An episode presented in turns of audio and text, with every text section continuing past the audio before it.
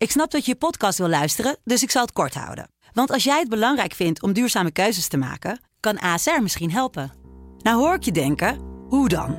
Nou, bijvoorbeeld bij het duurzaam herstellen van schade. Of de premies die we beleggen volgens ons duurzaam beleggingsbeleid. Dat bepaalt waar we wel en juist niet in investeren. Wil je meer weten over welke duurzame keuzes ASR maakt? Ga dan naar asr.nl slash duurzame keuzes. ASR doet het. Zo, dan kan je nu lekker naar je podcast luisteren. Dit is een podcast van De Telegraaf. De Stembus. Het is 17 maart, mijn naam is Floris Noord en vandaag is de dag van de Tweede Kamerverkiezingen. Alle stemlokalen zijn geopend, de laatste debatten zijn gevoerd en de eerste lijsttrekkers hebben hun stem inmiddels uitgebracht. Vandaag blik ik met ons parlementair verslaggever Niels Richter terug op het NOS-slotdebat van gisteravond. En we maken de balans op van de campagne, die door corona natuurlijk heel anders was dan normaal gesproken. Niels, goeiedag. Hoi. Hey, hey, je hebt ook gekeken naar het slotdebat gisteravond. Wat is jou het meeste opgevallen? Nou, dat uh, premier Rutte zich uh, enorm goed aan het uh, VVD-script heeft gehouden. Door zich als premier en als leider te positioneren. weinig aanvallen gedaan. en heeft zich opgesteld boven de partijen. Ja. Hij kreeg nog een slotwoord en daar bedankte hij de presentator. Dus dat was ja, onderstreepte hij weer mee dat hij de leider is die, uh, die ervaring heeft en om uh, het land uit de crisis te helpen. Ja, hij kwam ook met een stelling en dat ging dan over optimisme en over realisme. Maar daar werd hij door Wilders ja, toch wel flink op aangepakt. Hoe, hoe vond je dat Rutte daarop reageerde? Ja, typisch Rutte. Hè? Niet zeggen u heeft ongelijk, maar hij gaf juist Wilders volkomen gelijk. Hij zei, uh, die toeslagenaffaire, ja, dat is misgegaan. Maar ik ben wel degene die dat weer gaat oplossen. En daar zijn we mee bezig, dus geef me nog een kans. Tegen die mensen zeg ik dat de heer Wilders volkomen gelijk heeft. Dat het verschrikkelijk is wat hij nou is overkomen. En dat de heer Wilders het volste recht heeft om mij dit verwijt te maken. Net zoals mevrouw Marijnissen het volste recht heeft om mij dit verwijt te maken. Want de heer Wilders heeft hier vaker aandacht voor gevraagd. Hier is iets verschrikkelijk fout gegaan. En we zijn bezig om dat zo goed mogelijk te repareren en op te lossen. Ja, precies. Uh, nou vissen de PVV en VVD natuurlijk ook deels in dezelfde vijver. Uh, denk je dat dit debat nog voor verschuiving heeft gezorgd tussen die twee? Ja, dat weet ik niet. Uh, de VVD maakt zich enigszins zorgen om de opkomst. En daar moet de PVV zich helemaal zorgen over maken. Hè? Want die, dit onderzoek laat zien dat die kiezers minder geneigd zijn om naar de stembus te gaan. Ja. Wilders heeft het wel geprobeerd, hè, met ook thema's als de immigratie naar voren te brengen. En ook premier Rutte juist aan te vallen op waarop hij zich laat voorstaan op het leiderschap. Hij zegt optimistisch leiderschap. De, de, Belastingdienst heeft 13 keer de wet overtreden, 13 ja. wetten overtreden. Uh, dus uh, hoezo uh, optimisme? Dat uw kabinet, de overheid, minstens 13 keer de wet heeft overtreden. Iedere Nederlander die dat had gedaan, die had er drie keer achter de tralies gestaan. Maar niet Mark Rutte. Voor Mark Rutte wordt wel weer een uitzondering gemaakt. Wordt er weer klassejustitie gemaakt. Mark Rutte die hoeft zich niet voor de rechter te verantwoorden. Sterker, u staat hier nog. En u gaat aanstaande donderdag weer met een grote grijns op uw gezicht, zoals we dat van u kennen, gaat u weer gewoon door om te proberen in het torentje te komen. Nou, een uh, ander fragment wat ook zeker uh, tot de nodige beroering leidde, was een flinke clash tussen uh, Geert Wilders en Sigrid Kaag. Laten we even een stukje luisteren. Ik ging naar Iran als minister van Buitenlandse Zaken om de veiligheid van de regio en Israël te bespreken. En als ik dan noodgedwongen door de wetgeving een sluier om moet doen, dan doe ik dat, want het dient een internationaal Verraden en nationaal heeft. belang. Nee, Verraden. nee. Ja. Ik accepteer dit niet, want U dit was een verraden. opdracht in landsbelang. Meneer Wilders, u moet er nog eens een keer van leren om uw eigen verraden. te zetten. En hier zetten wij een punt. Ja, ik denk dat dit een fragment is uh, waarbij alle, allebei de leiders het goed doen voor hun eigen partij met name. Ja, zeker. Uh, dat was al zo uh, toen Alexander Pechtold nog D66 leidde. Geert Wilders van de PVV was een lievelingstegenstander. Ja. En dat is omgekeerd ook zo. Hè. Uh, die twee hebben geen raakvlakken met elkaar, kunnen geen kiezers van elkaar afsnoepen, maar kunnen wel uh, hun eigen achterban motiveren. En uh, ja, als je een spiegelbeeld hebt, eigenlijk een, iemand tegenover je die precies anders zit. ja, dan, kun je, je, dan kom je be- zelf beter uit de verf. En dit is voor beide partijen is dit, eh, is dit gewoon ontzettend lekker om te doen. Ja. Eh, dan ging het ook nog even tussen Rutte en Hoekstra. In het VVD-programma is het enige programma, is het enige programma waarin de ongelijkheid in Nederland toeneemt dan afneemt. Bij allemaal die hier zitten neemt de ongelijkheid Moet wel. af. Je moet wel lef hebben, eh, meneer Hoekstra, om mij eh, die flexarbeid te verwijten. Want wie van deze partijen stelt nou voor om de WW midden in een crisis tot een jaar te beperken? Dat is toch echt het CDA? Ja, even voordat we op de inhoud gaan. Hij noemt hem, eh, hij noemt hem even Wopke. En dan verbetert hij zich snel naar meneer Hoekstra. Is dat nou een slip of de tong? Of doet hij dit bewust? Of wat, wat zit hierachter, denk jij? Eh, dit het lijkt mij een eh, bewuste slip of de tong. Eh, Ja. Hij laat hiermee zien, eh Wopke, man, we hebben toch eh, jaren met elkaar samengewerkt. Hè? Met andere woorden, we zijn eh, samen verantwoordelijk geweest voor het kabinetsbeleid. Maar als mensen dan toch moeten kiezen voor een leider, ja, dan kiezen ze dus toch eh, de, de echte leider en niet iemand die er een beetje op lijkt. Ja, precies. Volgens mij zit dat erachter. Al lijkt het wel zo dat Wopke Hoekstra naarmate het einde van deze strijd eh, toch beter in vorm is gekomen. Ook in de debatten. Ja, dat lijkt er wel op. Hè. Komt wat beter in zijn rol, durft ook wat, eh, eh, aan te vallen, hè, zoals eh, hier gebeurt. Ja. Hij heeft eh, natuurlijk eh, ja, een paar foutjes gemaakt. Het zijn niet eh, kapitale blunders. Maar ja, dat was gelijk in het begin met dat filmpje dat hij ging schaatsen in Tialf. Vervolgens blijkt de hele de, campagne gebouwd te zijn om een schaats, schaatsfilmpje in de, in de Hollandse winter. Waar, waardoor iedereen weer Ja. denkt aan, aan die uitgeleider in, in Tialf. ja. Ja, en als je dan eens een keer een klein foutje maakt in het debat, omdat je je eigen programma niet eh, paraat hebt. En eh, ja, je zweet een beetje, dan denken de mensen toch, hm, misschien zit hij er niet eh, lekker in. Dan gaat het toch optellen. Ehm, en misschien komt het ook omdat de verwachtingen bij Hoekstra zo enorm groot waren dat het bijna alleen maar kan tegenvallen. Ja. En eh, ja, nu de campagne erop zit, heeft hij het eh, dan denk je uiteindelijk wel waargemaakt? Of, of blijft toch dat gevoel hangen dat het eh, niet helemaal was, toch? Nou, ik, ik denk niet dat hij het heeft waargemaakt. Hij, heeft zelf de ambitie gehad om in het torentje, te komen. Dus op dat vlak heeft hij het niet kunnen waarmaken.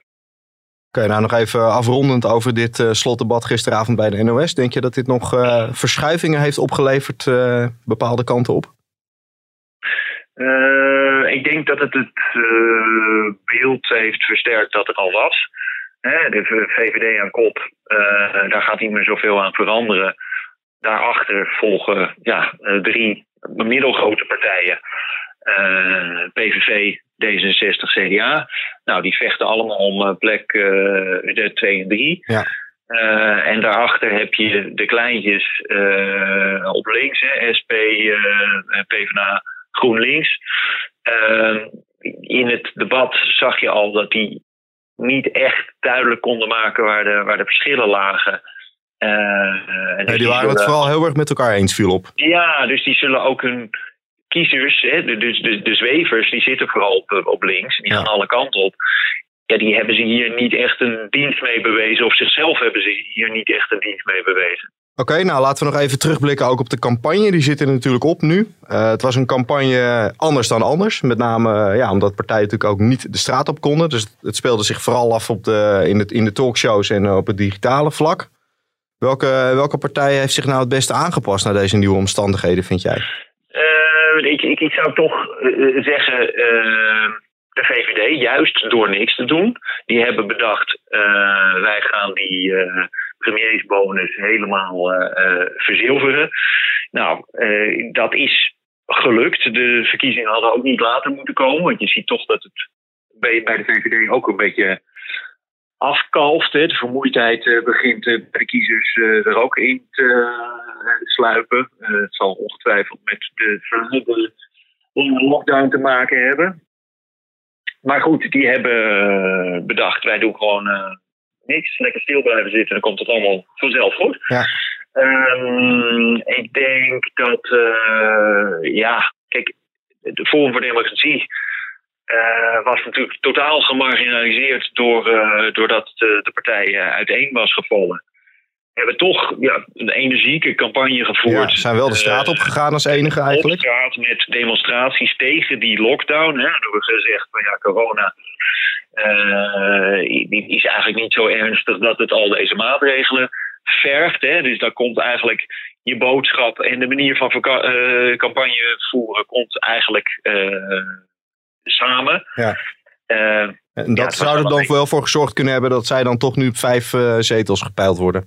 Ja, en misschien wordt het nog wel eh, meer, hè, want die achterban is tamelijk gemotiveerd om naar de stembus bus te gaan. En ja, er zijn ook partijen die er echt enorm last van hebben gehad. Hè. Ik bedoel, een partij als GroenLinks, Jesse Klaver met zijn meetups in de Melkweg. Opgestroopte Eh, mouwtjes. Ja, dat, dat, eh, dat kan nu allemaal niet meer. En ik denk zeker dat het hem zetels heeft gekost. Ja. En verder was het, eh, ja, lijkt het toch een campagne met, met weinig hoogte en weinig dieptepunten. Ja, eh, je zou het een eh, kabbelcampagne kunnen noemen. Heel veel onderwerpen zijn langsgekomen, worden aangeraakt. Het gaat soms over de toeslagaffaire. hè, die, de zittende partijen worden aangevreven, maar ook niet echt. Het gaat soms over corona en wat er daarna moet gebeuren. Maar het lijkt eh, het kabinet en de zittende partijen niet echt te raken. Het gaat, ja, gaat het over onderwijs, gaat het over migratie, een hele enkele keer. Eh, maar het zijn nou niet eh, de, de onderwerpen waar de kiezers heel erg mee bezig lijken. Dus er is niet, er is niet één thema. Het, is, het, het, gaat vooral over, eh, eh, over leiderschap. En dat heeft eh, de VVD eh, geen wind gelegd. Nee, dan nog eventjes eh, naar de verwachte opkomst eh, voor deze verkiezingen. Ehm, ja, wat, zijn, wat zijn daar de verwachtingen van? Eh, ik zag zojuist een eh, verwachting dat het eh, ja, gelijk of iets lager is dan de vorige keer. hè, Zo is de verwachting. Er is natuurlijk wel nog steeds wat eh, corona-angst, ook bij de oudere kiezer. Eh, En het briefstemmen ja, was ook niet zo massaal dat dat het goed kan maken. Nou, eh, je zou kunnen zeggen dat dat in het voordeel is van de kleinere partijen, want die hebben dan minder stemmen nodig om die kies, kies, de, de kiesdelen te halen. En juist ook het gebrek aan tweestrijd zorgt ervoor dat juist die kleine partijen, eh, dat mensen die anders op een kleine partij hebben gestemd, dus dat ook nu gaan doen. Hè? Die gaan geen, niet strategisch stemmen. Dus daarmee zie je dat al die kleine partijtjes, eh, nieuwe partijen, Volt maakt kans op eh, twee à drie zetels. Nou ja, 21 die voortkwam uit voor Democratie. Misschien wel twee zetels. Een een, partij waar, waarvan nooit iemand had gehoord, de Boer-Burgerbeweging, maakt ook kans op een zetel. Eh bij één maakt nog kans op een zetel. Dus dan heb je die hele waaier van kleine partijen die eh, nog in de Tweede Kamer kunnen komen. De stembussen zijn geopend. De hele dag wordt er volop gestemd door verschillende lijsttrekkers. De allereerste was vanochtend D66-leider Sigrid Kaag die haar stem uitbracht in Den Haag. Ik ben wel van de generatie brief, eh, stemgeheim. Dus ik ga naar D66 stemmen. En op eh, nieuw iemand op de lijst. En ik stem op een vrouw. Hugo de Jonge wilde ook graag stemmen, maar hij is naar huis gestuurd vanwege een verlopen paspoort. De gaten waren er al ingestampt, zegt de voorzitter van het stembureau bij de Kuip tegen RTV Rijnmond. De jongen moest daarom weer naar huis om een geldig identiteitsbewijs op te halen. De campagne zit er zo goed als op. Mark Rutte blikt terug bij Op 1 en laat weten dat hij veel meer heeft genoten van de campagne dan de voorgaande jaren. vind het ontzettend leuk om te doen. En ik ben, ja, ik moet je zeggen, ik, vind het, ik had me echt voorgenomen bij het begin van die campagne. We zijn natuurlijk ontzettend druk altijd bezig. Hugo nog tien keer meer dan ik met eh, corona. Dus dat liep door. En een paar andere dingen liepen door. Maar ik denk, ik ga wel ieder moment genieten. Normaal gesproken zou je dan iedere keer als je ergens bent denken... oh ja, maar ik moet dadelijk ook nog daarheen. En het is me nu echt voor het eerst in al die keren dat ik landelijke verkiezingen had... gelukt om te genieten in het moment zelf. En wat mij betreft zou het nog wel even iets langer mogen duren. En tot slot de reactie van Denk op de muzikale aanval van Arjen Lubach. De zondag met Lubach host ging dit weekend viral met een lied over denkleider Asserkan en Geert Wilders van de PVV, omdat zij op het laatste moment hun interview bij Nieuwsuur hadden afgezegd. Nu slaat Asserkan terug met een eigen rap. Ah, ah. Hey Lubach, hier ben ik dan, Farid fucking Azarkan. Tuurlijk was ik niet echt bang, ik was een beetje ziekjesman. Dus belden ze toen aan, die mocht niet van Erdogan. Daarom dat we skipten lang en chillden met de achterban. Met de caravan van Rotterdam tot Ede. Nog even langs de steden. Alles blijven geven. We hadden maar twee weken. Geen tijd voor twee weken. Kun je mij vergeven? Er is toch wel meer in het leven dan... Denk zij eerder al te hebben genoten van het nummer van Arjen Lubach. En de cabaretier kan op zijn beurt de rap van Denk ook wel waarderen. Nou, pakken we de agenda er nog even bij. Wat staat er op de planning eh, de komende 24 uur? Eh, nou ja, eh, de lijsttrekkers die eh, gaan stemmen. Lilian Marijnis in Os, eh, Geert Wilders in Den Haag. eh, eh, daar worden dan weer foto's van gemaakt. Verder natuurlijk vanavond de uitslagenavond is ook niet meer zoals het geweest was. Geweest was hè. Vroeger in grote zalen waarin de partijen met bier en, en muziek een, een winst of, of verlies met elkaar delen. Ze mogen bijeenkomen met maximaal 30 man. Nou, eh, sommigen doen het ook. De VVD doet dat niet eens. Dus dat is wel een mooie onderstreping van eh, de campagne van eh, de VVD. Eh, vooral niets doen, dan eh, komt het wel goed. Oké, nieuwsrechter, dankjewel voor je tijd. Historisch fragment. Vanavond zullen de eerste exit polls bekend worden gemaakt. Een uitermate belangrijk moment waar de techniek natuurlijk niet mag falen. En juist dat overkwam presentatrice Dionne Staks in 2017. Eh, jongens, heel spannend. Ik kan het even niet zeggen. 31 zetels, een verlies van 10. PVDA, 9 zetels, een verlies van 9. U ziet het, het gaat hier niet helemaal goed. Laten we snel naar het scherm gaan, want daar kunnen we het nog even overzichtelijk laten zien. Hoopte ik. En dat gaat niet lukken, Rob. Dit was de stembus voor vandaag. Vond je dit nou een leuke podcast? Laat dan een review achter in de App Store. Of abonneer je via jouw podcastkanaal, zodat je niks mist. Morgen zijn we er weer met al het nieuws over de Tweede Kamerverkiezingen. Tot dan!